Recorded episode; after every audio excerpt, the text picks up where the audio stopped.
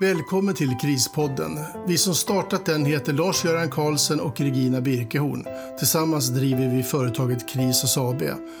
Med Krispodden vill vi öka kunskapen hos ung som gammal om hur man kommer vidare i en kris. Vi vill också öka kunskapen om hur man kan leva ett bra liv trots att man varit med om ett trauma. Regina som är krisexpert och författare kommer att berätta om fall hon haft under sina 20 år som krishanterare och på ett praktiskt sätt förklara krispsykologin.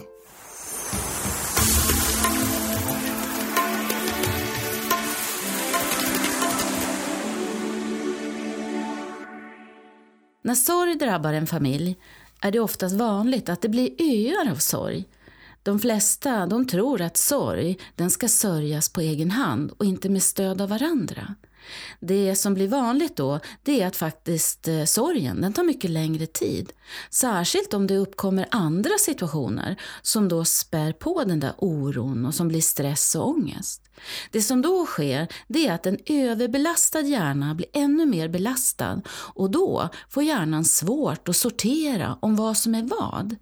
Föräldrar tror oftast att barn kan man skydda genom att man inte visar sig sorgsen eller genom att man helt enkelt inte pratar om sorgen eller om den som har dött.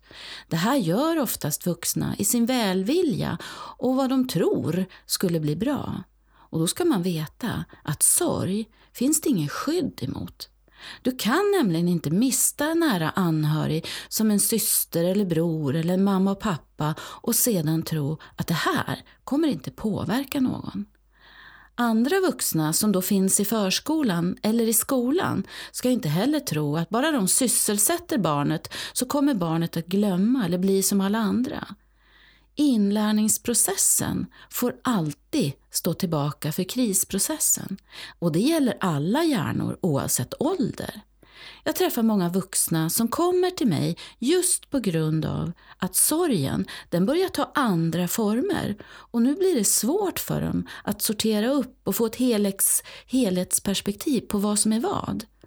För oftast så är det en sorg som kanske sedan då gör att det händer någonting annat och så blir det ytterligare en sorg. För att sedan då blir det fysiska symptom som gör mig lite sjuk och jag blir då stressad och sen får jag ångest som i sin tur skapar konflikter och lägg, lägg då på lite sömnproblem och inlärningssvårigheter. Och till slut så känner man ju inte igen sig själv. Ensamheten, oro, magont, minnesproblem och till slut en utmattning som gör en så sjuk att den saknar ord. När kommunikation och tydlighet och relationsproblem blandas ihop i den där situationen, det är då det brukar knacka på min dörr. Ibland, som i det här fallet, så kommer oftast en person och det brukar vara kvinnan i familjen. Sen brukar mannen komma och till slut så kommer faktiskt hela familjen. Efter det, då brukar inte jag behöva särskilt länge. För alla föräldrar vet vad deras barn behöver och de är snabba på också att ta det där ansvaret bara de får kunskap om vad som är vad och hur det går till att hantera sorgen.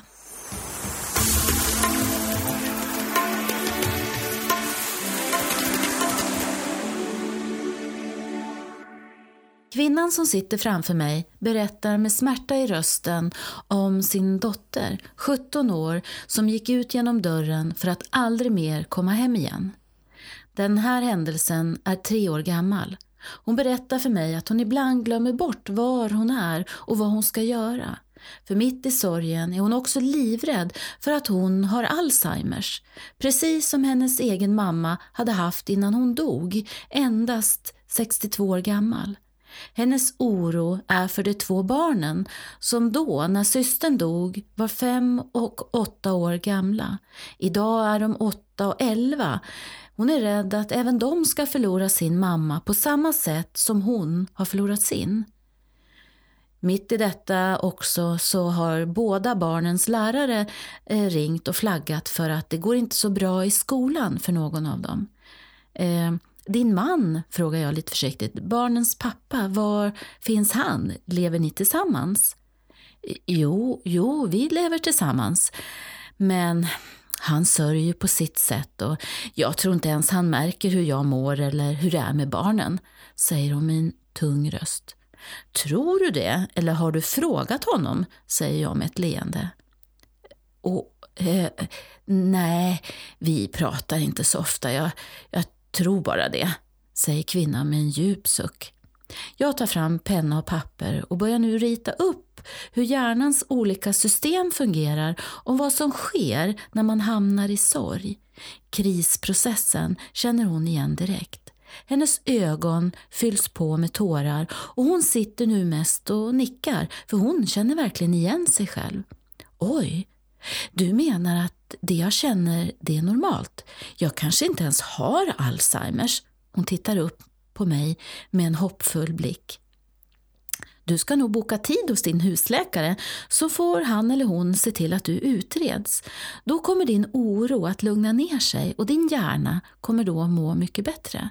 Nu när hjärnan har så här mycket oro, fundering, stress och sorg då, eh, har ju, då förvärras oftast alla symptom i kroppen, både fysiskt och psykiskt. Det är helt normalt när hjärnan inte klarar av att tolka och förstå vad som är vad. Oj, oj, oj, jag hade nog aldrig klarat av att reda ut det här själv, säger hon, mer som ett konstaterande till henne själv än en påstående till mig.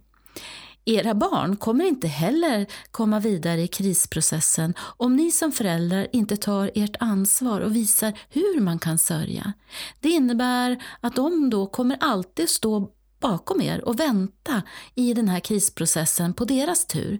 Det i sin tur det leder till att deras hjärnor har enorma stresspåslag. Och när det sker, då betyder nämligen inte skolans information ett enda dugg för dem. Deras hjärnor vill ju förstå varför de mår som de gör.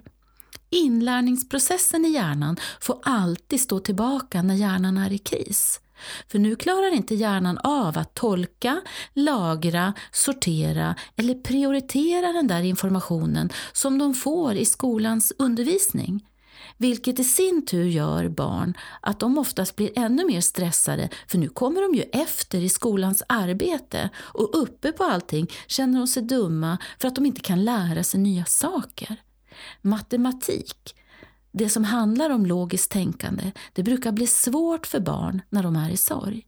För hur mycket logik det nu är eh, för hjärnan som är så här stressad och inte ens kan förstå vad det är den ska lära sig. Kvinnan hon drar efter andan och säger Vet du, lärarna som ringde, de sa ungefär så där om båda barnen. De har svårt för Eh, matematik och de kan inte sitta still och koncentrera sig under en hel lektion. Ett av barnen är utåtagerande och hamnar ofta i bråk medan det andra barnet är inåtvänd och säger nästan ingenting under en hel skoldag.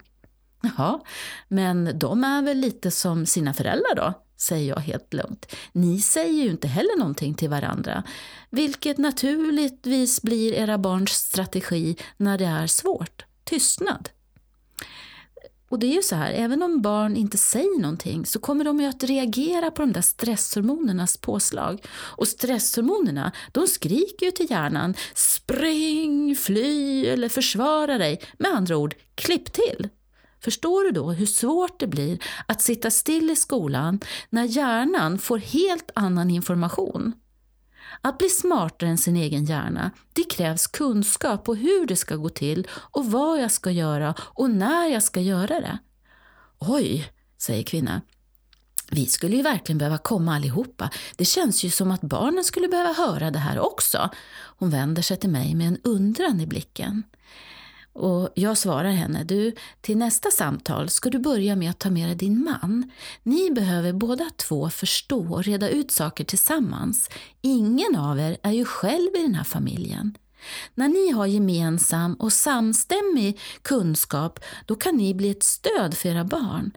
Jag vill träffa er allihopa, för det är ju faktiskt så att ni är faktiskt fyra personer i den här familjen som har sorg. Barnen kommer förstå den här kunskapen på en gång. Deras hjärna kommer då plötsligt bara förstå varför de känner sig som de gör och också förstå vad det är de kan göra för att må bra igen. Tillsammans kommer ni kunna hjälpa och stötta varandra. Inom väldigt kort tid så var just kvinnan tillbaka och då hade hon med sig sin man. Tillsammans så fick de ett krisstödssamtal som innebar en massa bra, nyttig information, kunskap, utbildning, bra strategier och framförallt ett bra verktyg för att klara av att kommunicera med varandra utan att ta saker och ting för givet eller tro saker om varandra. Efter det där samtalet då kom hela familjen och de två barnen de satt mellan sina föräldrar när jag ritade upp eh, hjärnan på den stora whiteboarden för att sedan förklara vad som sker i hjärnan när den har sorg och hur stresshormonerna får en att känna sig i kroppen. Det ena barnet han skrattar högt och bara Vet du vad, Regina? Det är precis så där det känns. Så där känns det. Det känns som att benen bara vill springa och hoppa och röra på sig. Och när det inte får det, då blir det klåda. Och det gör nästan ont istället och då blir jag arg. Och jag blir arg för ingenting. Och på rasterna, då är det sådär att då behöver det bara att någon säger något eller då kommer åt mig och då bara klipper jag till utan att tänka mig för. Mm, säger jag. Det där är faktiskt normalt. Men du vet ju också att eh, alla vuxna i skolan, de kommer ju bli galen på det. Ja, det är så. Fröken är värst. Eh, hon är värst på att skälla. Hon skäller jämt på mig. Ja, men det är ju så här. Hon gör ju det för att hon blir stressad. För stresshormonerna säger ju samma sak till henne som det gör till dig. Skillnaden är ju att hon kan ju inte klippa till dig.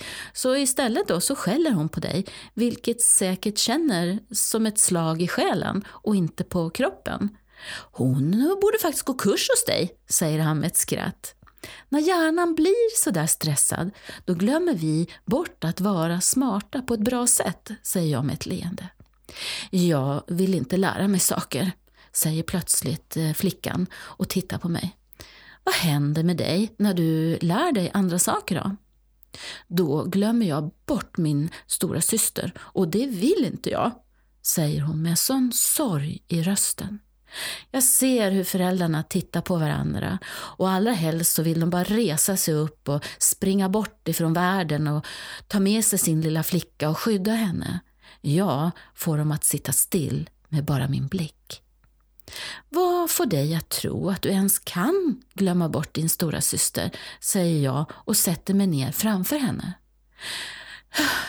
För ingen pratar om henne och jag har svårt att minnas henne och, och då, då blir jag rädd. Tårarna rinner ner på hennes kind. Mamman harklar sig och säger Jag trodde inte ni ville prata om Emma, för det skulle bara göra er ledsna, så därför pratar jag inte om henne. Hon torkar sina tårar med handens baksida. Men, men jag vill prata om henne, säger flickan med bestämd röst. Det vill jag också. Jag minns henne jättebra. Men, men det gör inte jag, säger flickan med en viskande röst. Pappan, han vänder sig till barnen och säger Jag tycker att vi ska ha en sån här Emma-stund varje vecka. En stund där vi bara pratar om Emma och där mamma och jag kan få berätta för er hur hon var när hon var liten. Vad tycker ni? Hans blick fångar hans hustrus nickande och tårande ögon. Jag håller andan och ler inombords. För nu, nu har en familj hittat varandra och jag kan lämna dem med trygg famn till livet som de har framför sig tillsammans.